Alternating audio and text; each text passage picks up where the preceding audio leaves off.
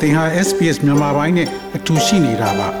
sbs.com.au/burmese မှာပုံမထူးခဲ့တဲ့သတင်းစာမားတွေကိုရှားဖွေပါ SBS မြန်မာပိုင်းကို အင်ကာနဲ့စနေနေ့ည10:00နာရီမှနားဆင်နိုင်တယ်လို့အွန်လိုင်းကနေလည်းအချိန်မီနားဆင်နိုင်ပါပြီ။ နယ်သာလန်နိုင်ငံ The Hague မြို့မှာကျင်းပခဲ့တဲ့ ICJ အပြည်ပြည်ဆိုင်ရာတရားရုံးရဲ့ဒုတိယအကြိမ်ကြားနာမှု၄ရက်တဟာမနေ့ကပြီးဆုံးခဲ့ပါပြီ။မြန်မာနိုင်ငံမှာလူမျိုးတုံးတပ်ဖြတ်မှုတွေပြုလုပ်နေတယ်လို့ဂမ်ဘီယာနိုင်ငံရဲ့တရားစွဲဆိုမှုတွေကိုနှစ်ဖက်ကိုယ်စားလှယ်တွေအပြန်အလှန်ခြေပခဲ့ကြပါတယ်။ဖေဖော်ဝါရီ22ရက်ကနေ28ရက်အထိပြုလုပ်ခဲ့တဲ့တရားရုံးရှိမှာတော့နစ်နာသူတွေအတွက်မြန်မာစစ်ကောင်ဆောင်တွေကိုအရေးယူမှုတွေလုပ်ပေးဖို့ဆန္ဒပြတောင်းဆိုမှုတွေလည်းနေ့စဉ်ရှိခဲ့ပါတယ်။တိုင်းသားပြည်သူတွေလည်းတပ်ဖြတ် နှိမ့်ဆက်ခြင်းသာမဒိကျဲတဲတွေမှာတိုင်းသားဒေသတွေမှာမင်းတို့လင်းပြန်နေတဲ့ကျဲ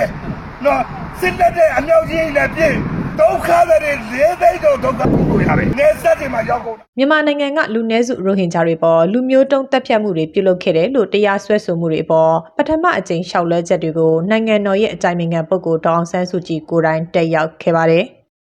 ဒုတိယအကြိမ်ကြားနာမှုမှာတော့မြန်မာနိုင်ငံကိုစားပြုဖြည့်ရှင်မှုအမျိုးသားညီညွတ်ရေးအစိုးရ NUG နဲ့စစ်ကောင်စီရဲ့ကိုယ်စားလှယ်အဖွဲ့တို့တက်ရောက်ဖို့တင်ပြခဲ့ကြပေမဲ့အာဏာသိမ်းစစ်ကောင်စီကိုခုခံချေပဖို့အတွက် ICJ ကဆုံးဖြတ်ခဲ့တာပါဒီလိုဆုံးဖြတ်ချက်နဲ့ပတ်သက်ပြီး NUG အစိုးရနိုင်ငံခြားရေးဝန်ကြီးဒေါ်စင်မအောင်ကအဲဆိုတော့ကျမတို့ position ကအာရှင်းပါတယ်အဓိကက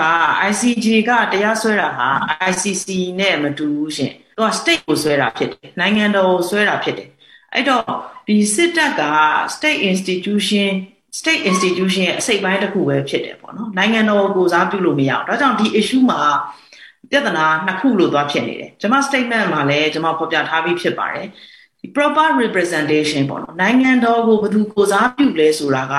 တစ်ချက် နောက်ပြီးတော့နိုင်ငံတော်တကယ်ကိုစားမပြုတ်နိုင်တဲ့သူက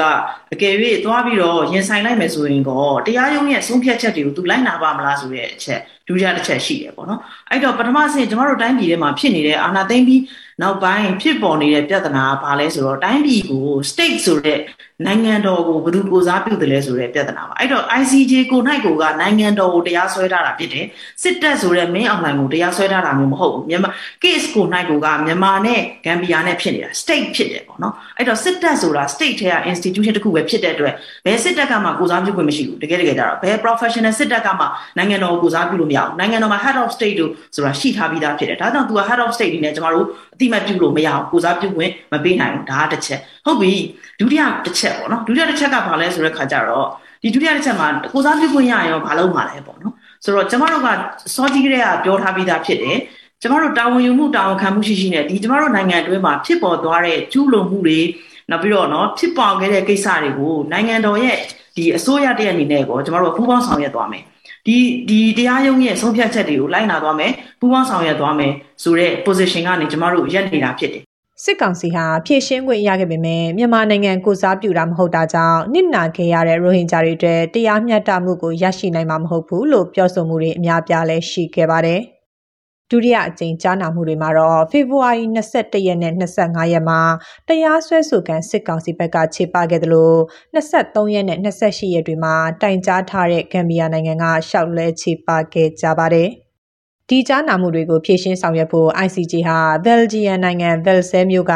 စစ်ကောင်စီထိန်းချုပ်ထားတဲ့မြန်မာနိုင်ငံတန်ယုံကနေတဆင်ဆက်သွယ်ဆောင်ရွက်ခဲ့ကြတာပါ။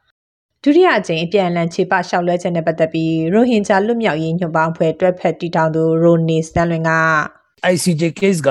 ဒါအကုန်လုံးသိကြတယ်လွန်ခဲ့တဲ့နှစ်နှစ်ကျော်ကတည်းကနေပြီးတော့စတဲ့ case ဖြစ်တယ်ဆိုတော့ဒီအာနာသိမ့်ပြီးတော့ဒါပထမဆုံးချိန်ပြန်ပြီးတော့ကြားနာပွဲပြန်ထိုင်တာပေါ့နော်ဆိုတော့အဓိကဒီလိုကြားနာပွဲလိုရခြင်းအကြောင်းရင်းကလည်းဒါအရင်တော့ဒေါ်အောင်ဆန်းစုကြည်ကိုယ်တိုင်သွားပြီးတော့ဒီနိုင်ငံကိုစားပြုပြီးတော့ ဒီဟိုခုခံတဲ့အခါမှာဒီတရားစွဲထားတဲ့ကိစ္စပေါ့နော်ဂမ်ဘီယာကဒီတရားစွဲထားတဲ့အမှုကိုအဲဟိုပေါ့လက်မခံဖို့အဲ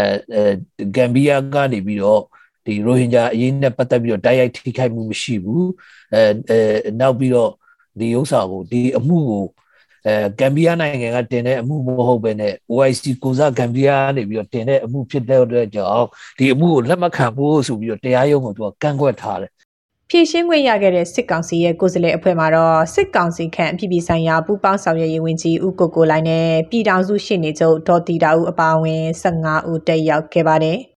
NUG အနေနဲ့ကတော့ကုလသမဂ္ဂကမြန်မာနိုင်ငံဆိုင်ရာတမတ်ကြီးအဖြစ်သတ်မှတ်ဆုံးဖြတ်ထားတဲ့ဥကြုံမိုးထွန်းကိုဖြည့်ရှင်းခွင့်ပြုဖို့တင်ပြခဲ့တယ်လို့ဥပဒေပညာရှင်အဖွဲ့ကိုဖွဲ့စည်းထားတယ်လို့လည်းထုတ်ပြန်ထားပါတယ်။ ICJ ကဖြည့်ရှင်းခွင့်ပေးခဲ့တဲ့စစ်ကောင်စီရဲ့ညှင်းဆိုတင်ပြချက်မှာတော့မြန်မာနိုင်ငံမှာရိုဟင်ဂျာတွေကိုမျိုးတုံးအောင်လုပ်ခဲ့ခြင်းရှိမရှိ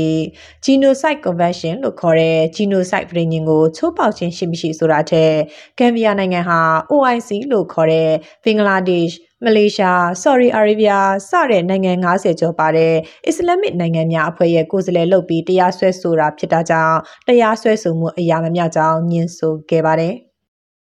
3နာရီကြာချိပါခဲ့တဲ့စစ်ကောင်စီရဲ့အခုလိုရှောက်လဲချက်ဟာလက်ရှိဆွဲဆိုခံထားရတဲ့အမှုအပေါ်အချိန်ကြာမြင့်အောင်အချိန်ဆွဲတဲ့သဘောတက်ရောက်တယ်လို့ပြောဆိုမှုတွေလည်းရှိခဲ့ပါတယ်။ဒီလိုခြေပမှုတွေနဲ့ပတ်သက်ပြီးရိုနေစန်းလွင်က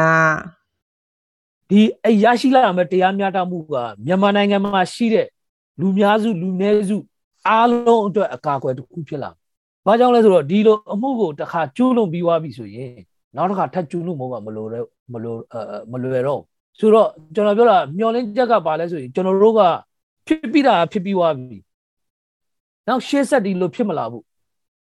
တကယ်လို့ဒီတရားရုံးမှာသာကျွန်တော်တို့အမှုရှုံးတယ်ဆိုရင်ဒီစစ်တပ်ကဘာလုပ်မလဲဆိုရင်ငါတို့အရင်ကလည်းရိုဟင်ဂျာတွေပေါ်လှုပ်ခဲ့တာပဲအခုကရင်တွေပေါ်လှုပ်ရင်ဘာဖြစ်လဲကချင်တွေပေါ်လှုပ်ရင်ဘာဖြစ်လဲချင်းတွေပေါ်လှုပ်ရင်ဘာဖြစ်လဲဆိုတော့အဲ့ပုံစံမျိုးငါတို့အတွက်ဘာမှပြဿနာရှိမှာမဟုတ်ဘူးဆိုတော့ဒါအတွေးခွန်မျိုးယူဝင်လာ ဆိုတော့ကြံတဲ့ဒီလူနည်းစုတွေပဲဖြစ်ဖြစ်ဒါ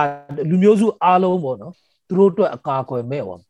ကျွန်တော်ဒီအမှုမှာနိုင်လာခြင်းအဖြစ်ဒီအမှုကနေတရားမျှတမှုရလာခြင်းအဖြစ်တခြားမြန်မာနိုင်ငံတွင်းမှာရှိတဲ့လူမျိုးစုအားလုံးကိုတခါတည်းအကာအကွယ်ပေးပြီးသားဖြစ်သွားနိုင်ဒါကဒါကကျွန်တော်တို့အတွက်တကယ်ကိုလိုအပ်တာစစ်အုပ်စုကိုတရားစွဲဆိုထားတဲ့ဂမ်ဘီယာဘက်ကဥပဒေအကျိုးဆောင်ရှင်းနေကတော့နောက်ဆုံးနေ့မှာအွန်လိုင်းကနေပဲပြန်လည်ချေပခဲ့ပါတယ်။ ဂမ်ဘီယာနိုင်ငံရဲ့ကိုယ်စားလှယ်တွေဘင်္ဂလားဒေ့ရှ်နယ်စပ်ကရိုဟင်ဂျာဒုက္ခသည်စခန်းတွေစီတွားတဲ့အခါကြိုဆိုခဲ့ကြတဲ့ရုပ်တံတက်တွေရှိကြောင်းနဲ့ဘယ်အဖွဲ့အစည်းကတောင်းဆိုမှုလုပ်လို့အဆုံးမှာတော့ဒီတရားဆွဲဆိုမှုဟာဂမ်ဘီယာရဲ့သဘောပဲဖြစ်တယ်လို့လည်းကျင်းပြခဲ့ပါတယ်။မြန်မာနိုင်ငံဟာလက်ရှိကြားနာပွဲမှာတော့ကိုယ်စားလှယ်အကျိုးဆောင်တွေကိုရိုဟင်ဂျာလို့အမည်မသုံးခိုင်းပဲညှင်းဆိုနေတာတွေ့ရတယ်လို့ဖော်ပြထားပါတယ်။ ကမ်ဘီယာနိုင်ငံရဲ့ဆောင်ရွက်ချက်ဟာ Genocide Convention အပေါ်တာဝန်ခံတာဖြစ်တာကြောင့်မြန်မာဘက်ကခြေပချက်မှာပါတဲ့ Nationality of Claim Rule ထိခိုက်နစ်နာမှုရှိတဲ့နိုင်ငံသားမှတရားစွဲလို့ရမယ်ဆိုတဲ့စီမင်းဟာအကျုံးဝင်ဘူးလို့ခြေပခဲ့ပါတယ်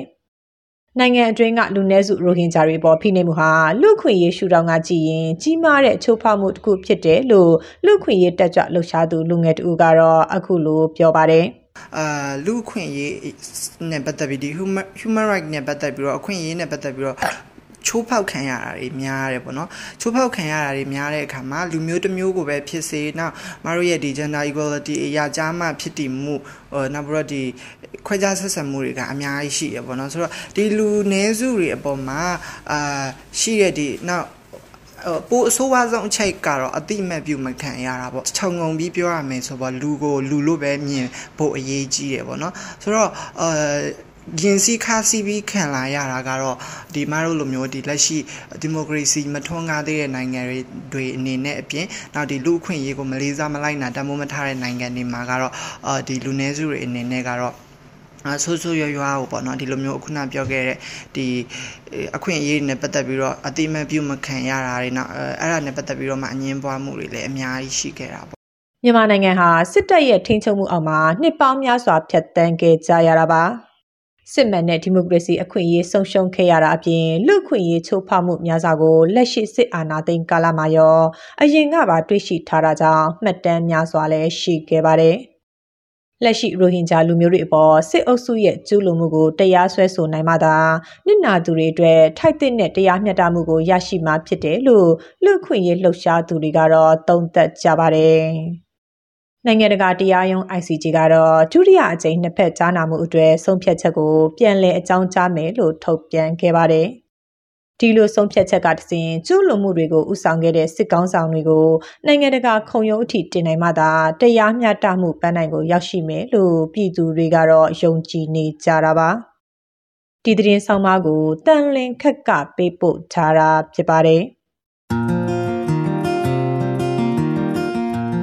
SBS မြန်မာပိုင်းကိုအင်ကာနဲ့စနေနေ့ည10:00နာရီမှနားဆင်နိုင်ပါတယ်။နားဆင်နိုင်တဲ့နည်းလမ်းအများကြီးရှိပါတယ်။ Radio Digital TV Online ဒါမှမဟုတ် SBS Radio App ကနေတဆင့်နားဆင်နိုင်ပါတယ်။ SBS မြန်မာပိုင်းအစီအစဉ်ဖြစ်ပါတယ်ရှင်။